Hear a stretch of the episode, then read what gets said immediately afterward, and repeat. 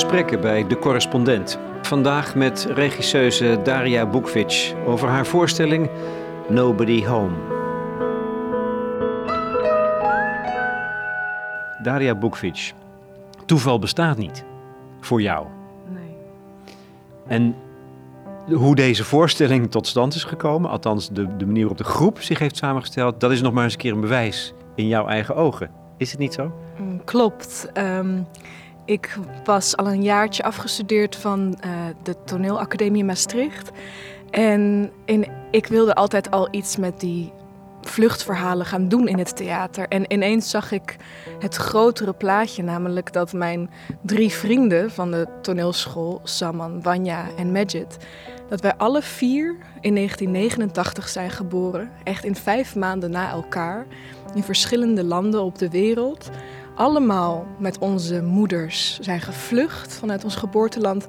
En toevalligerwijs echt in dezelfde periode, in dezelfde drie jaar eigenlijk, op die toneelschool zijn beland. Dus nee, voor mij bestaat toeval niet echt. Wat betekent dat dan voor jou? Ja, kijk, vanuit mijn positie als theatermaker, ik, en dat is heel persoonlijk hoor, maar ik geloof altijd dat verhalen zich aan mij aandienen. En ik heb altijd gedacht, uh, als ik dat grote verhaal, dat grote verhaal over het begin van mijn leven ga aanpakken, ja, dat is niet, niet iets waar ik naar op zoek moet gaan. Dat moet zich aan mij aandienen. Dat klinkt misschien een beetje spiritueel, of, maar dat, dat is het niet. Het is, ik wil dat die voorwaarden goed zijn, omdat het voor mij altijd uit, ontstaat vanuit de mensen waarmee ik werk. Dus um, het heeft wel zo moeten zijn. Het moet ook echt op het goede moment komen. En anders... Precies, en het, het prettige was dat ook het moment dat ik ineens het grotere plaatje zag van hey, die vier jongens, of sorry, die drie jongens en uh, ongelooflijk goede acteurs, dat het ook het juiste moment was. Want ineens ontplofte het in de media, weet je, met Lampedusa en uh, de toestroom van Syrische, Eritrese vluchtelingen. Alles kwam precies op het juiste moment bij elkaar. En dan weet ik, ja, ik ben wel gek als ik daar niet nu een voorstelling over ga maken.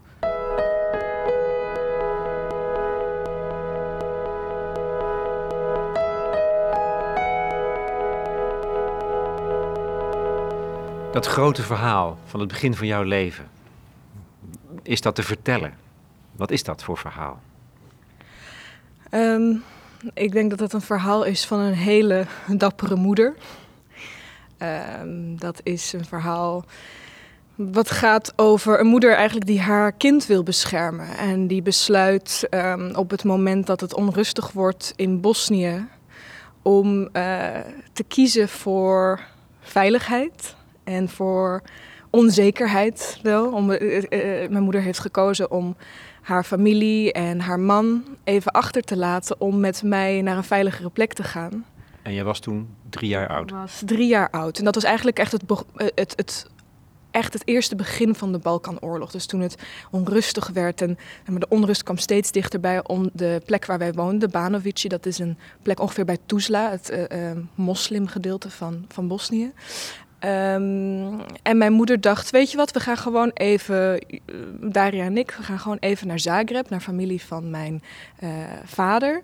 Um, totdat deze onrust voorbij is. Het begon eigenlijk met een heel simpel feit: er waren geen kiwis meer op de markt. En ik was een ongelooflijk verwend kind. En mijn moeder dacht: Weet je wat, we gaan gewoon even maken een uitstapje. Eigenlijk op het moment dat we op de bus stapten richting van Bosnië naar Kroatië, brak echt de hel uit. En um, werd onze, onze reis eigenlijk een vlucht zonder dat we zelf wisten waar we in zouden belanden. En die reis was uh, echt één ongelooflijke ervaring. Ja. Kan je er iets over vertellen? Wat er dan met je gebeurt als driejarig meisje opeens op de vlucht met je moeder? Onbestem onbekende bestemming.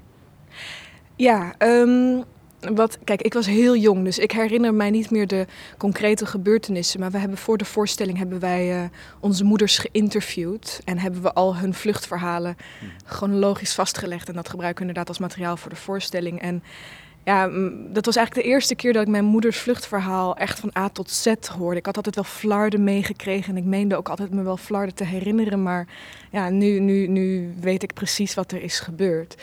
Ja, wat, ik mij vooral, wat mij vooral heel erg bijstaat is... Mijn moeder klemde mij eigenlijk die hele vlucht vast aan haar borst. En ik voelde haar angst. Ik heb altijd haar, mijn moeders spanning echt als een spons ehm, opgezogen. Wat er eigenlijk is gebeurd in die vlucht is dat wij op een gegeven moment bij de uh, laatste brug aankwamen die Bosnië met Kroatië verbond. Alle andere bruggen waren al uh, uh, gebombardeerd of um, opgeheven. En ja, in, in, deze voorstelling hebben we het vaak over geluk en ongeluk. Wat er is gebeurd is dat wij aankwamen bij die brug. Er was al een slagboom neer, neergehaald, zeg maar. En mijn moeder smeekte aan de soldaat van het Joegoslavische leger die bij die brug stond... mag ik alstublieft nog uh, hier overheen met mijn kind? En hij had medelijden met haar en hij heeft haar er overheen gelaten. Dus mijn moeder, met een kind, was gevlucht op hoge hakken. Want ze vlucht natuurlijk wel in stijl. Ongelooflijk. Met een kind op hoge hakken. Twee koffers vast over een soort brug die eigenlijk al half kapot was. Echt over zo'n touwladder op een gegeven moment. Mocht zij over die brug. Paar uur later um, is die uh, brug bestormd door mensen die er overheen wouden. En is die brug uh, opgeblazen met alle mensen die erop stonden. Dus als wij een paar uur later daar waren uh, aangekomen, dan, nou goed, dan hadden wij niet meer bestaan, had deze voorstelling niet bestaan. Dus waar we het net over hadden, over toeval en geluk en ongeluk. Ik, ja... ja zo, zo ongerijmd is het. Zo, zo, dat kan je niet verklaren, volgens mij juist. Dat kan je niet bevatten, want ook wat mijn moeder beschrijft is... zij, zij heeft een gigantische hoogtevrees. En zij durfde eigenlijk helemaal niet over die, dat stuk, laatste stukje touwladder. Wat er gebeurde was, ja... Het klinkt zo absurd, maar het is echt wat zij vertelt. Dat ze, ze durfde niet over dat laatste stukje. En toen keek ze naar de overkant van de brug. En ze, ze zag een man en ze meende zeker te weten dat dat haar neef was. En hij keek naar haar en hij meende ook iemand te zien die hij herkende. Dus door zijn blik lukte het haar om dat laatste stukje, um, om, om over dat laatste stukje heen te klauteren. En ze liepen naar elkaar toe en die man greep haar ook vast. En toen zagen ze ineens dat hij niet degene was die zij dacht en andersom. En mijn moeder zegt, hé, ik dacht dat je mijn neef was. Oh ja, ik dacht dat jij ook iemand was die ik kende. Ja, en toen was het moment voorbij. En dat zijn dingen die je niet kan verklaren. Dat er dan ineens zo'n engel is die je helpt om over die brug heen te komen. Terwijl ze op het punt stond om eigenlijk terug te gaan. Ja, dat zijn dingen dat. Ja. Dat is heel bijzonder. En dan begint het. Want dan, dan, dat is ook het moment van de breuk. Geluk, ongeluk, zeg je. Mm. Het is een redding, mm. maar het is ook nooit meer terug. Dat is het tegelijkertijd. Dus dat is zo ambivalent, denk ik. Ook als je, je hebt je moeder erover gesproken. In haar beleving moet dat ook zeer ambivalent zijn. Um, mijn moeder uh, gelooft wel, denk ik, in een soort beschermengel. Want zij is zo vaak door situaties heen ja, geleid. In die vlucht zijn een paar zulke onwaarschijnlijke reddingsmomenten geweest. Dat voor mijn moeder, um, mijn moeder denkt, dat wel, denk ik dat er een engel is die haar beschermt. Dat is ook religieus, dat besef, denk ik. Mm, kijk, zij is um, uh, etnisch gezien Bosnisch moslim. Um, ja, God, ik weet, ik weet nooit zo goed hoe, hoe religieus mijn moeder is. Als ik het huis verlaat, dan zegt ze wel altijd Bismillahirrahmanirrahim. En dan, ik word ook altijd heel boos als ze het vergeet te zeggen, omdat dat voor mij een soort, uh, soort beschermend mantra is geworden. Ja, het is een heel persoonlijk ding tussen haar en God. Ik denk uh, dat mijn moeder wel heel dankbaar is. Toen was ze opeens vluchteling. En dan is het ongetwijfeld een hele lange weg naar Nederland uiteindelijk een, een AZC, een asielzoekerscentrum. Ook weer zo'n tocht van, nou ja, toevalligheden, onwaarschijnlijke reddingsmomenten. Ja, na die brug kwamen we. Um, vroeg mijn moeder of ze met een groep uh, Bosnische mannen in een bus. die eigenlijk op weg waren van Duitsland. Wij zijn gastarbeiders, waren op weg van Duitsland naar Bosnië. Maar omdat ze Bosnië niet meer in konden, wilden ze terugrijden naar Zagreb. En ze vroeg, heeft u nog één plek voor vrouw en kind? En uh, dat hadden ze, nog één plek. Dan zijn we verder gereden met die bus, maar we moesten dus echt over uh, hele nauwe boswegen, omdat, we niet, ja, omdat de snelwegen al in handen waren van het Joegoslavische leger. Maar op een gegeven moment was de buschauffeur de weg kwijtgeraakt. En uh, toen zijn we um, op een gegeven moment in de hand, uh, handen beland van een groep jonge Joegoslavische soldaten die ehm, de bus hebben stilgezet en alle mannen plus mij en mijn moeder naar buiten hebben gecommandeerd. En dat was een moment waarop mijn moeder dacht, dit is gewoon het einde. Want ze begonnen tegen ons te schreeuwen dat we ehm, op vijandig gebied waren en dat uh, dit het einde was. En er was een soldaat die mijn moeders koffer opengriste en al mijn luiers, het enige wat ze nog bij zich had, in een plas met water begon te gooien. Het was keihard aan het regenen. En mijn moeder dacht, dit, dit is het gewoon. En het allerergste, ze vertelt ook dat op dat moment het enige wat ze dacht was... Um, het verschrikkelijkste op dat moment was dat ze dacht... ze gaan onze lichamen nooit vinden wij gaan hier begraven worden. En, dus ze dacht niet aan, oh mijn god, ik ga dood. Ze dacht, mijn man zal nooit weten waar ik begraven ligt. Zo die bizarre dingen die er dan door je hoofd schieten op het moment dat je... Zo, zo, zo bizar is het natuurlijk niet, want er zijn massagraven gevonden. Of, of, en misschien zelfs wel nooit gevonden. Precies. Uh, en ook op dat moment was er een engel in de vorm van een uh, officier die een eindje verderop had staan toekijken naar hoe de jonge soldaten ons behandelden. En ehm, die greep die jonge man bij de kraag die uh, mijn luiers in het water had gegooid en zei: Schaam je dat je een vrouw zo behandelt? En die heeft uh, hem alle luiers laten uitwringen en alle kleren laten uitwringen. En toen mochten we terug uh, in de bus. En heeft hij ons een vrijgeleide gegeven. Met een auto heeft hij ons naar Kroatisch gebied um, geleid, in feite. En mijn moeder vertelt dat uh, hij vlak voordat de bus vertrok naar haar keek en zei: uh, Mevrouw, wij Chetniks zijn niet allemaal hetzelfde. En dat is een, ja, best een pittige zin. Chetniks is een um, soort moeilijk. Een, uh, scheldwoord eigenlijk. Eigenlijk een scheldwoord voor foute Serviërs, om het zo maar even te zeggen. En gewoon dat, ze dat, dat hij dat tegen haar zei.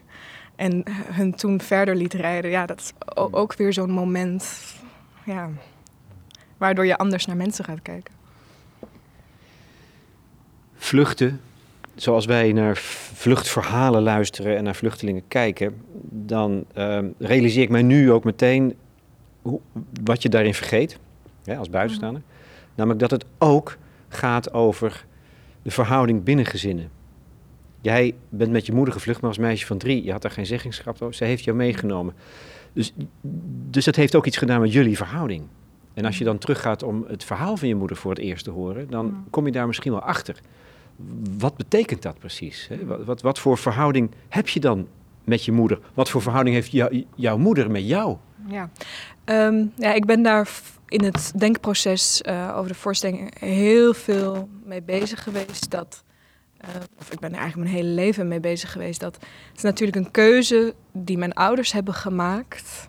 Ik bedoel, dat is eh, bij iedere uh, ouder-kindverhouding zo.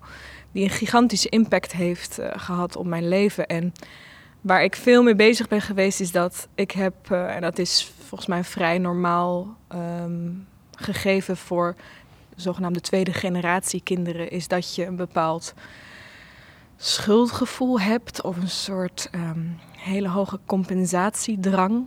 Namelijk dat je. Kijk, mijn ouders uh, waren best wel welgesteld, hadden een, echt een heerlijk leven in het welvarende Joegoslavië van de jaren tachtig. Ze waren iets, zij waren iemand. Ze hadden gewoon een gelukkig leven. Ze zijn echt tegen hun wil. Ik bedoel, als je hun verhalen hoort over hoe, hoe ze het daar hadden. Ja, je kan je niet voorstellen dat ze dat land ooit vrijwillig zouden verlaten. Dat hebben ze toch gedaan. Ze hebben alles opgeofferd van identiteit en geld en familie en al die dingen om mij iets te kunnen schenken, uh, om mij een beter leven te kunnen geven. Ja, en dat, dat besef um, maakt je eigenlijk. Um, dat, dat is een, een, last op je schouders. Of in ieder geval hoe ik ermee ben omgegaan in mijn leven, is dat ik altijd. Ik bedoel, ik ben ambitieus aangelegd, maar ik heb nooit. Um, zeg maar, mijn ambitie is heel groot. En die wordt gedreven uit de grote behoefte om hun keuzes, uh, om het het waar te maken. Om ervoor te zorgen dat zij uh, voelen dat hun keuzes de juiste zijn geweest. Mm. En dat is soms best een zware last. En ik heb het daar vaak ook met mijn moeder over gehad, die heel vaak zegt: Je hebt voldoende terugbetaald. Stop maar met terugbetalen. Maar ik denk dat het toch eeuw, een soort eeuwige drijfveer blijft. Mm. Hebben die mannen dat ook? Die acteurs van jou? Die hetzelfde? Um, niet allemaal per se hetzelfde, maar het is wel een thema waar, waar we het veel over hebben gehad. Zij zijn ook alle drie echt. Ehm, ja, ik noem het altijd van zo, ze willen zo de sterren opeten. Weet je, ze willen echt. Uh, um, ik, ik, ik merk bij hun een gigantische drijfveer om verhalen te vertellen. En, um, en ik denk dat dat daaruit voortkomt, ja.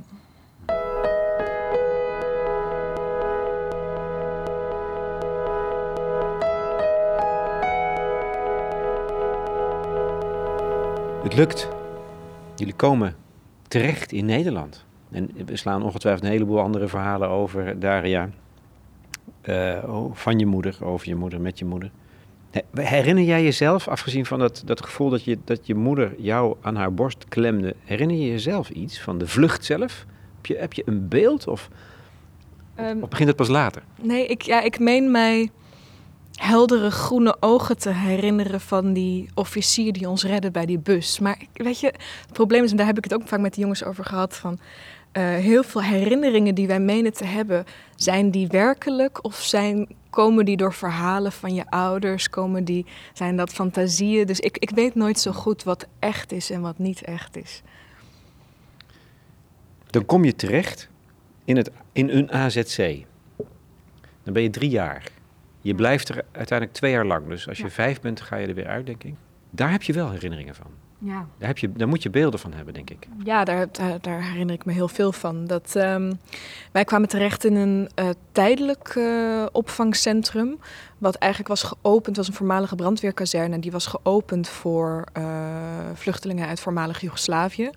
Dus in zekere zin hadden wij, ja, god geluk of ongeluk, dat wij niet zoals vele vluchtelingen terechtkomen op een plek met 50 verschillende culturen waar je ook rekening moet houden. Weet je, waar je de hele tijd cultuurclashes hebt tussen verschillende bevolkingsgroepen. In principe zaten wij echt met uh, allemaal voormalig Joegoslavische mensen. Um, en dat, ja, kijk, ik heb dat ervaren. Wij hebben met die jongens altijd over als kind is het asielzoekerscentrum eigenlijk een te gekke plek. Want los, los van natuurlijk de stress die je ouders uh, hebben en um, de onzekerheid die je hebt terwijl je asielprocedure afwacht, uh, is het een fantastische plek. Want je hebt al je beste vrienden, zeg maar, één deur verderop. Dus het is eigenlijk in feite een soort speelparadijs. En daaronder ligt dan um, dat er heel veel getraumatiseerde mensen om je heen lopen. Uh, en dat kan je als kind nog niet. Ja, ik zeg altijd, ik voelde het wel, maar ik begreep het niet. Ik wist dat er iets was. Ik wist dat er met al die verslagen mannen die daar rondliepen iets was. Maar mijn, onze ouders losten dat heel slim op door verhalen te vertellen. Dus dan eh, werd bijvoorbeeld een getraumatiseerde man in een lange regenjas... die altijd een beetje verdwaasd rondliep.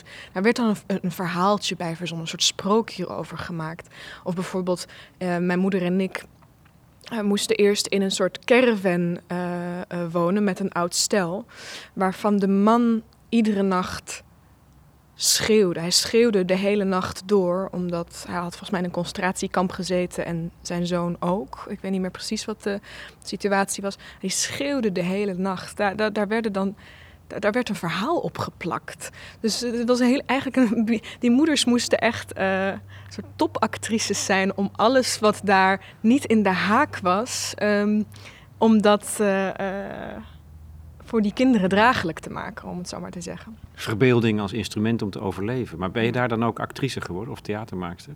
Um, nou, ik heb daar wel een heel, ja, een, een, ik denk dat mijn fantasie ongelooflijk is geprikkeld. Want dat waren natuurlijk de meest onwaarschijnlijke verhalen die werden verteld. Want je kan heel veel van die dingen echt niet recht trekken met een sprookje. Dus daar, daar, ik denk dat mijn fantasie daar wel is geprikkeld. Ik, een van de mooiste ja, anekdotes die mijn moeder aan ons vertelde toen we bij hun waren om ze te interviewen over een vluchtverhaal, was dat ze zei dat um, uh, mijn moeder kreeg één keer in de zoveel maanden een liefdesbrief van mijn vader uit Bosnië. En zeg maar, want de telefoonverbinding was heel slecht, dus ze, konden, ze hadden nauwelijks contact. Zegt één keer in de zoveel maanden kwamen er ineens vier brieven tegelijk. En dat was zoiets bijzonders dat er um, een bericht kwam van thuis dat zij op het ehm, plein wat we daar hadden in het AZC. Ehm, alle vrouwen zich verzamelden. Echt een stuk of honderd vrouwen zich om mijn moeder heen verzamelden. En mijn moeder die brief voorlas aan het hele AZC. Omdat iedereen snakte naar een bericht uit Bosnië. Dus mijn... En een bericht van liefde ook misschien. En een bericht van liefde. Maar het, het grappige is, dat mijn moeder, ja, nou ja, goed, wilde het graag delen, maar werd ook bijna gedwongen om het te delen. Want iedereen wilde dat zo graag horen. Dat ze zich pas later, als ze dan in haar kamer zat, besefte: Oh mijn god, ik heb ook de erotische fantasieën van mijn man voorgelezen aan alle vrouwen in het asielzoekerscentrum. Want ja, die stonden er natuurlijk ook in, want ze hebben elkaar twee jaar niet gezien. Dus die heeft ze met iedereen gedeeld. Ja, dat is, ja dus oh, het AZC was zeker een plek waar mijn verbeelding uh, op, op, op hol is geslagen. Ja. Jongen, jongen, jongen. Ja, dat is, dat is echt de andere kant. Overigens is dat natuurlijk van 1992 tot 1994. Ja. In een brandweerkazerne toen. Nu. De, de, berichten over hoe het er gaat. Ik heb er nog eentje bij me ook over eh, de ellende die er nu vaak is. En mm. omdat er heel veel extra plekken bij moeten komen waar mensen onder erbarmelijke omstandigheden nu moeten overleven. Is het nu niet heel anders dan toen? Um, ik denk dat de situatie op dit moment uh, nijpend is. Ik begrijp wel uh, dat uh, het ministerie van Veiligheid en Justitie de handen vol heeft aan het zoeken naar plekken waar ze die mensen op een veilige manier, op een goede manier kunnen opvangen. Wat ik daar eigenlijk over kwijt wil, is dat, um, wat ik net al zei, we hadden het geluk dat we met alleen maar Joegoslavische vluchtelingen op één plek zaten. Dus nou, dan begrijp je elkaar cultuur, je spreekt elkaar taal. Ik, ja, ik zou graag er is afgelopen week was er een vechtpartij in een uh, asielzoekerscentrum in Overloon. Nou ja, dat wordt dan, een, vind ik, vrij groot gebracht in het nieuws. Terwijl het was ja, volgens mij niet veel anders dan gewoon een opstootje tussen bepaalde vluchtelingen. Dat, dat komt dan over als iets um, vrij chockerends of iets heel... Explosiefs? Uh, uh, ja, explosiefs. Terwijl ik denk, Hoeveel van dit soort verhalen hoor je nou? Ik vind eigenlijk dat het opmerkelijk vaak goed gaat. Je moet je voorstellen, 50 verschillende culturen in, een, in kleine hokjes, allemaal samen op gigantische gangen. Getraumatiseerde mensen, gespannen mensen, onzekere mensen, verdrietige mensen hoe vaak dat goed gaat. Ik bedoel, wij hebben onze verhalen uh, met elkaar gedeeld. We hebben allemaal geweld gezien. We hebben allemaal mensen met elkaar, uh, elkaar in de haren zien vliegen om over de kleinste dingen, over ruzie, over wie nu het een potje pool mag spelen. Maar vind je het gek? De stress die in zo'n soort. Het is eigenlijk een soort kippenhok. Het is een soort legbatterij van getraumatiseerde mensen. Ik wil eigenlijk graag benadrukken dat het zo ongelooflijk vaak juist goed gaat. En dat zo'n opstootje in overloon. Ja, sorry, ik vind dat echt. Um, het stelt niks voor. Mede dankzij die verbeelding. Ja, ik denk dat die uh, verbeelding. Ja, het is. We hebben de, het motto van de voorstelling, zeg maar de. Ja, het motto uh, is: um, soms moet je toneel spelen om te overleven. Hm. En dat, die heeft voor ons een dubbele lading. Namelijk, je moet uh, dus toneel spelen tegen je kinderen. Uh, je moet verhalen vertellen om de situatie draaglijk te maken. Je moet een zo goed mogelijk verhaal tegen de IND houden waar, om hun te overtuigen. Uh, ik kan echt niet terug naar mijn eigen land, want mijn leven is in gevaar om je verblijfsvergunning te krijgen.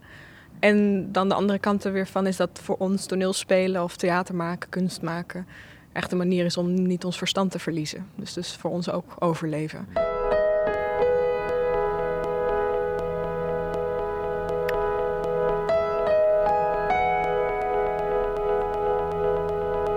Theater. Je bent theatermaakster geworden. Ja. Waar is dat ontstaan? Mm. Ja, ik vertel altijd aan mensen dat het is ontstaan in de kerk. Want ik ben dus na het AZC opgegroeid in een klein Limburgs dorp. En daar, is helaas niet, daar zijn helaas niet heel veel Hmm. culturele activiteiten. Dus ik had geen schouwburg in de buurt. Ik heb eigenlijk heel weinig theater gezien. Maar, op de- maar ik zat op een Rooms-Katholieke basisschool. En wij gingen, de kerk stond naast de school. En eh, we gingen daar eigenlijk wekelijks naartoe. En daar ben ik voor het eerst gegrepen door nou, niet he- helemaal voor het eerst, want dat gebeurde natuurlijk ook al in het AZC. Maar daar ging ik zelf nadenken over de kracht van de vertelling. Zo het glas in lood en eh, de liederen die gezongen werden. waren eigenlijk allemaal hele simpele beelden die werden eh, eh, opgeroepen waarmee een heel groot verhaal werd verteld. Dat vond ik zo knap, dat er in die mis elementen zaten, hele simpele elementen waarmee, hele waarmee heel groot verdriet werd uitgedrukt of waarmee hele grote verhalen eh, mee werden verteld. En dan de belevenis van zo'n mis dat je dan met z'n allen helemaal gericht bent op, op wat zich op dat podium afspeelt en daar een soort collectief gevoel door meemaakt. Daar wist ik, hé, hey, ik, ik wil dat wat die priester doet, dat, dat, dat, eh, die pastoor, dat wil ik doen. Maar ik wil niet het hebben over religie. Hè, er moet hier toch een soort andere vorm voor zijn. Ik had nog nooit van mijn leven theater gezien. En het grappige was dat ik toen, niet, toen ik twaalf was, eens een keer gingen we met school naar een toneelstukje kijken. Dacht ik, "Oh, dit, dit is het. Het bestaat dus. Het bestaat, wat die pastoor doet, bestaat in een andere vorm. Gewoon eigenlijk hetzelfde ritueel, minder religieuze boodschap. Dit wil ik gaan doen. Zo is het ontstaan. Dit is magisch. Dit is echt magisch. Ja, ik doe er altijd heel romantisch over, maar Maar komt het nog steeds voor? We zitten hier in een soort lokaal. Ja. Wat is het? Een oude gymzaal, denk ik, hè? Zoiets is het. geen idee eerlijk gezegd wat het zit in Amsterdam. Mhm. Een, eh, een, thea- eh, een plek waar theater wordt gemaakt met mensen uit de buurt, hier Mhm. uit de wijken. Ja, dus zo'n zo'n balletvloer, zwart, spiegels aan de kant. Hier wordt denk ik inderdaad ook wel ballet eh, gegeven. Grote zwarte gordijnen, een paar rode stoeltjes. In het midden op een, een tiental Persische tapijten. Geef lekker ons decor weg, Lex. Ja, nou ja, alsof, alsof ik daarmee iets gezegd heb. Verbeelding. Maar gebeurt het hier? Gebeurt het hier ook al? Is, is het, eh, tijdens het repetitieproces, heb je die momenten al gevonden waar je denkt, ja, hier doe ik het voor, die- dit is de magie. Ja, eh, het mooie aan dit proces is dat die momenten er vaker zijn dan niet. Terwijl de meeste processen is het hard zoeken naar. ehm, heb, je, heb je er een paar in een repetitieproces? Eh, terwijl hier, ja. We, we weten, ja, het klinkt zo suf. Je durft maar- het niet te zeggen of zo. Ik Als durf- een soort bijgeloof. Ja, het is niet per se. Maar het is gewoon. Ik, ik durf het bijna niet te zeggen omdat ik het arrogant vind klinken. Maar ik weet gewoon. En de jongens weten dat we gewoon een heel belangrijk verhaal aan het vertellen zijn. En dat is niet vanuit. Dat is echt niet arrogant bedoeld. Het gaat gewoon echt over. Dit verhaal moet nu verteld worden. En wij zijn de mensen die dat moeten vertellen. Er is niemand anders op het moment die, op, die het op deze manier kan vertellen als wij dat doen. En daarom ehm, hebben we gelukkig eh, een heel inspirerend repetitieproces gehad met heel veel magische momenten. Ja. En, en dat belang, waarom is dat belang voor jou zo groot? Heeft dat alles te maken met het klimaat, het geestelijke, maatschappelijke klimaat waarin we leven? Eh, ik, had, ik heb ook nog een krantenartikel bij me waarin twee eh, politici van Leefbaar Rotterdam zeggen dat het, as- dat het vluchtelingenbeleid, het asielzoekersbeleid te humaan is. te humaan. Ja. Dat, vind, dat is echt, hoe kan het asielbeleid te humaan zijn als mijn acteur Saman, die nu volgens mij een van de grote aanstormende talenten van Nederland, ooit bijna het land uit is gezet, waardoor, waarbij hij met zijn twee zusjes zes weken lang in het detentiecentrum is geplaatst. Mooi woord voor, een gevangenis, waar ze eh, geen scholing kregen, waar ze in cellen zaten opgesloten, waar ze twee uur lang in een kooi mochten luchten. Dat gebeurt ook in Nederland. Mensen weten dat niet. Dus eh, natuurlijk die, die, die, is die voorstelling belangrijk vanwege het huidige klimaat. Want ehm, ik, ik wil dat mensen. ehm, dat wij het beeld. Dat wij ehm, de mensen achter de getallen een gezicht kunnen geven met deze voorstelling. Wij zijn met z'n vieren. Op dit moment zijn er 52 miljoen mensen op de vlucht. Dat is het grootste aantal sinds de Tweede Wereldoorlog. Je wordt in de krant overspoeld met eh, eh, eh, stukken over het asielbeleid. Ik, word daar zelfs, ik raak daar zelfs van lam geslagen. Ik wil het menselijke gezicht weer terugbrengen in het debat door deze voorstelling te maken. En ook iets van jullie schoonheid laten zien. Ehm, en niet alleen maar het, het, het slachtofferschap, maar ook de, ehm, wat mij bijzonder aanspreekt. De, er zit hier een power in de mensen die, met wie je werkt en in jou.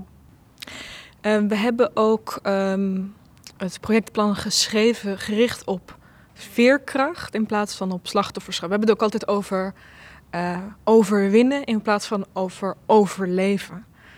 Hm. Ik vind dat is, een, dat is een heel dunne lijn, maar een heel groot verschil. Tussen overwinnen en overleven. En dit gaat over overwinnen. Het gaat over een soort innerlijke kracht en de wil om, om ehm, de wil om te overwinnen, daar gaat het over. En ehm, nog aansluitend op iets wat je net zei, ik denk ehm, dat ik ook graag wil tonen, ook aan het Nederlandse theaterlandschap, waar we nog altijd vrij ehm, zwart-wit denken over acteurs, letterlijk. wat een rijkdom. Wat een rijkdom. Hier op het toneel staan drie jongens die in feite echt totaal geen zin hebben om Tsjechov te spelen om een hele duidelijke reden, namelijk dat ze zo'n bulk aan verhalen met zich meedragen. Dat is rijkdom. Als wij in Nederland het, grote immigratiedebat, of het nou gaat over Zwarte Piet of vluchtelingen, of wat dan ook, het grotere immigratiedebat. Als wij daarin de dialoog met elkaar beter zouden voeren, dan denk ik dat we pas zouden gaan inzien hoeveel rijkdom we ook dit land binnenhalen. En hoe ongelooflijk dorstig dit land is, denk ik, naar die rijkdom. Maar soms raken we verblind door ehm, oppervlakkige discussies over oppervlakkige dingen, terwijl daaronder schuilt één groot probleem dat we niet de dialoog met elkaar aangaan. Ik zou willen dat een jongen als Saman, die, om maar even zijn uiterlijk te schetsen, Iraanse jongen, een hele volle baard. Majid maakt ook de uh, een grapje in de voorstelling van ja, als mensen naar jou kijken, lekker eenduidig, dan denken ze gewoon terrorist, punt. Fijn, daar kan je mee leven. Je weet hoe mensen naar je kijken. Heel, uh, maar goed, zo ziet hij er dus inderdaad uit. Hele knappe, knappe gast, maar wel met een lekker, lekker volle Iraanse baard. Als hij op dit toneel staat, dit, dit, dit frustreert mij Lex, dat als hij op het toneel staat, dan neemt het publiek alles aan wat hij zegt. Want hij, daar staat hij als de kunstenaar, als een fantastische, prachtige verteller. In het dagelijkse leven zijn mensen ofwel bang voor hem, ofwel ontwijken hem, ofwel willen zijn tas controleren of weigeren hem de toegang tot de discotheek. Daar wordt niet de dialoog met hem aangegaan. Dat frustreert mij. Dat we in dat theater zo makkelijk met elkaar de dialoog aangaan, terwijl dat in het dagelijks leven soms door je uiterlijke voorkomen veel minder gemakkelijk gebeurt. Zodra je hier het lokaal uitloopt. Precies. En dat, ja, dat is echt frustrerend. Dat je binnen die repetitieruimte of binnen die heilige vloer van dat theater een soort heer en meester bent. Daar kan je magie creëren, daar kan je belangrijke verhalen vertellen. En dan kom je naar buiten en dan word je keer op keer geconfronteerd met alles wat mensen over je denken door hoe je eruit ziet. En dat vind ik zo frustrerend, dat ik zoveel gemakkelijker overal mijn verhaal kwijt kan, omdat ik 1,80 meter ben en blonde haren heb. Ik kan me daar ongelooflijk over opwinden. Dat mensen daardoor naar mij luisteren. Heb je dan het goede vak? Ja, ik um, heb eigenlijk lange tijd getwijfeld tussen politiek en theater. uiteindelijk besloot om politiek theater te gaan Daar ben ik heel blij om. Ja, een paar meer wel, een paar meer niet. Nee, luister, dat, dat, dat, dat eh, heeft een hele, eigenlijk een hele verklaarbare reden. Ik, heb, ik ben gewoon totaal niet diplomatiek aangelegd. Nou, dus toen viel eentje af. En toen werd het gewoon theater. En daar hoef ik me lekker niet te nuanceren. En daar hoef ik geen compromissen te sluiten. En daarin kan ik gewoon ongenuanceerd en right in your face gewoon vertellen wat ik over de maatschappij vind. Als politicus zou ik uh, dat moeten, ja, dat diplomatiek moeten vertellen. En daar, ik, weiger, ik weiger dat te doen.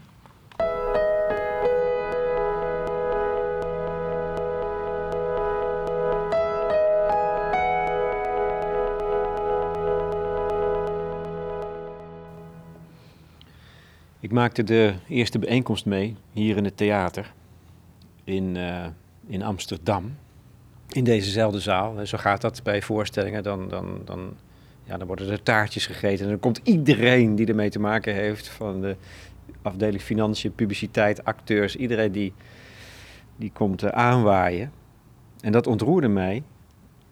Want de acteur stelde zich voor mhm. met zinnen als van nou, ik eh, kom uit Aleppo en ik was drie toen, uh, toen, mijn, toen, toen ik ben gevlucht. Dat soort zinnen. Maar het, ja, een, een, een kaleidoscoop van, van mensen en hun verhalen. Maar het was even een gemeenschap. En misschien is dat wel, is dat voor jou niet wat je zoekt of wat je probeert te creëren in dat theater? Een gemeenschap als een soort van thuis. Tijdelijk, want je heft het straks weer op over een paar weken. Maar het is onmiskenbaar even iets waar je je thuis kan voelen. Absoluut. Uh, nou goed, de, de, de, de, definitie die we voor onszelf hebben gevonden, nog niet, die is nog niet toereikend. Maar wat komt het meest in de buurt van thuis? Dat is het toneel. Dat is uh, die vrijplaats voor gedachten en uitingen en dingen waar we ons in het dagelijks leven voor schamen, die we gewoon even met z'n allen kunnen delen. Die, even die momenten waarop je even samen met het publiek je heel even iets minder eenzaam voelt. Dat ja, zo'n anderhalf à twee uur. Als, als dat je lukt, ja, dat zijn de plekken waar je kan ademen. En je bent heel blij met, met je acteurs, hè? Um, ik ga gewoon dit nu zo. Het gaat gewoon lekker vereeuwigd worden. Ik ga het gewoon zeggen. Deze drie jongens um, zijn grote, grote beloften voor de toekomst. Ik denk dat zij, deze drie mannen, echt wel um, de spannendste jongens uit hun generatie zijn. De spannendste mannelijke acteurs van hun generatie. Ze hebben een charisma waar je u tegen zegt. Dat is echt ongelooflijk. Ze, ze winden je echt om de vinger en delen je dan een klap uit als je even niet kijkt. Dat is echt, ja, dat is, daar, daar ben je, word je mee geboren. Dat kan je wel trainen op de toneelschool. Je kan, kijk, je kan je stem trainen op de toneelschool. Je kan je fysiek trainen op de toneelschool. Maar echt dat charisma, dat... Dat, die, dat dierlijk, uh, Boris van Ham noemt het laatst iets dierlijks in, in acteurs. precies. Een soort uh, natuurlijke intuïtie om iemand op dat toneel te kunnen verleiden, om hem vervolgens, wat ik zeg, een onverwachte linkse te kunnen geven. Ja, daar word je gewoon mee geboren. En dat hebben zij. Plus dat het alle drie ook nog eens, want zij schrijven allemaal hun eigen verhaal ook nog echt hele goede makers zijn. Dus ze schrijven heel goed, uh, denken heel goed mee in. Ja, dat is natuurlijk ook genot voor een regisseur. Dat je niet een soort van aan drie poppen uh, aan het uh, trekken bent. Maar gewoon echt drie mannen met fantastische ideeën. Dus ze hebben gewoon een heleboel kwaliteiten. Die het voor mij echt. die het werk voor mij heel makkelijk maken. ja. Maar ja, dat, ook dat zal wel geen toeval zijn, Daria. Ik durf geen uitspraken meer te doen voordat ik als een soort Jomanda ga klinken. Maar jij zegt het, Alex. Jomanda, die associatie had ik nog helemaal niet gehad. Al, al pratende dringt zich aan mij ook deze vraag op, uh, Daria. Daria Bukvic. Je moeder is gevlucht voor een situatie die niet voorzien was. Die de, de totale maatschappij waar zij in leefde en waar jij in zou leven, uh, op zijn kop zetten.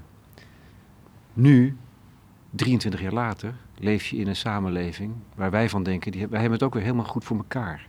Maar er zitten signalen die erop duiden dat er een soort vijandbeelden worden gecreëerd. Denk jij zelf soms ook niet? hey, gaan we nu hetzelfde krijgen als waar mijn ouders voor gevlucht zijn in de tijd? Nou, wij uh, schetsen in de voorstelling ook een soort um, droombeeld van. Wij proberen eigenlijk de situatie die in Joegoslavië is ontstaan uh, te plakken op de Nederlandse situatie. Als een soort doembeeld van wat er zou kunnen gebeuren. Um, Kijk, ik vind het heel lastig om, om, om voorspellingen te doen, om in de toekomst te kijken. Ik, ja, ik hou me daar niet zo mee bezig. Wat ik wel weet is dat ik mij op dit moment het minste thuis voel hier. Ik merk dat ik door die stomme Zwarte Piet discussie echt uh, boos over straat loop. Dat ik echt uh, gewoon onpasselijk word van wat er gaande is op dit moment. En dat heeft dus allemaal te maken met dat die dialoog niet wordt gevoerd op de manier waarop die gevoerd zou moeten worden. Dat je ofwel, het lijkt wel alsof hier in dit land alleen maar op twee niveaus gepraat wordt. Ofwel zo het zogenaamde grachtengordelniveau, ofwel um, het SBS 6 niveau, als ik dat mag zeggen. Daar bedoel ik niks. Maar het lijkt wel alsof de debatten alleen maar op die twee niveaus gevoerd worden. En niet met elkaar en niet met de mensen over wie het hoort te gaan. En dat zorgt voor zulke onderhuidse spanningen dat ik mij wel afvraag hoe de komende vijf à tien jaar eruit gaan zien. Ik, ik word er heel ongelukkig van. En ik vraag mij steeds meer af: oké, A, wat, wat, wat, wat ga ik doen in mijn werk om daar de komende tijd een positief, iets positiefs aan bij te dragen? Vuistballen? Ja, ja, ik, ik zat bijvoorbeeld erover na te denken. Ehm, in die periode waarin ik zo boos, bijna agressief over straat liep, dacht ik: moet ik niet gewoon bijvoorbeeld als statement ehm, mijn stichting uh, Nobody Home noemen. En dat ik dan 15 voorstellingen ga maken met alleen maar nieuw-Nederlandse acteurs. Zoals ik dat dan noem. Dus uh, acteurs met een andere afkomst. Om als een soort statement richting de repertoiregezelschappen die anno 2014 uh, eh, ook niet het dialoog voeren met de maatschappij, omdat hun hele ensembles blank zijn. Dat kan niet. Als, bedoel, als wij niet bijdragen aan het voeren van de dialoog, hoe verwacht je dan, als wij de spiegel zijn voor de maatschappij, hoe verwacht je dan dat de maatschappij het wel gaat doen als wij het niet doen? Dat soort dingen spoken rond in mijn hoofd. Hoe zit dat bij de generatie van jouw moeder en de moeders van Medjet en Saman en Wanja? Mm, hoe zij. Ja. Uh, hoe beleven zij deze tijd? Um, mijn, ik, ik heb mijn moeder wel eens uh, uh, horen zeggen. Zo, en dat was vooral toen Geert Wilders echt opkwam en na Fitna. mijn moeder voelde echt ineens spanning, spanningen in het vooroorlogse Joegoslavië. Ja. En ze zegt dan niet, oh, er gaat hier ook uh, oorlog uitbreken. Want kijk, de situatie is natuurlijk veel stabieler en we hebben de EU, EU et cetera. Um, maar ze, ze, vergelijkt de spanningen soms wel. Van als er zo weinig. Um, als er zoveel wantrouwen is in de maatschappij tussen de verschillende bevolkingsgroepen, uh, tussen laag en hoog opgeleid, uh, tussen nou, steeds grotere kloof tussen rijk en arm. Ja, dan, dan creëer je een soort um, vruchtbare grond voor uh, een, een, een, tendens die um, tot een groot conflict kan leiden. Laten we het in onze oren knopen, iedereen. Daria, Daria Bukvic. Uh, Nobody Home, zo heet de voorstelling en misschien ook wel je stichting later. Laat ik dan dit zeggen, dat ik me wel heel erg thuis voel uh, in de wereld die jij creëert. Dankjewel. Dankjewel, Lex.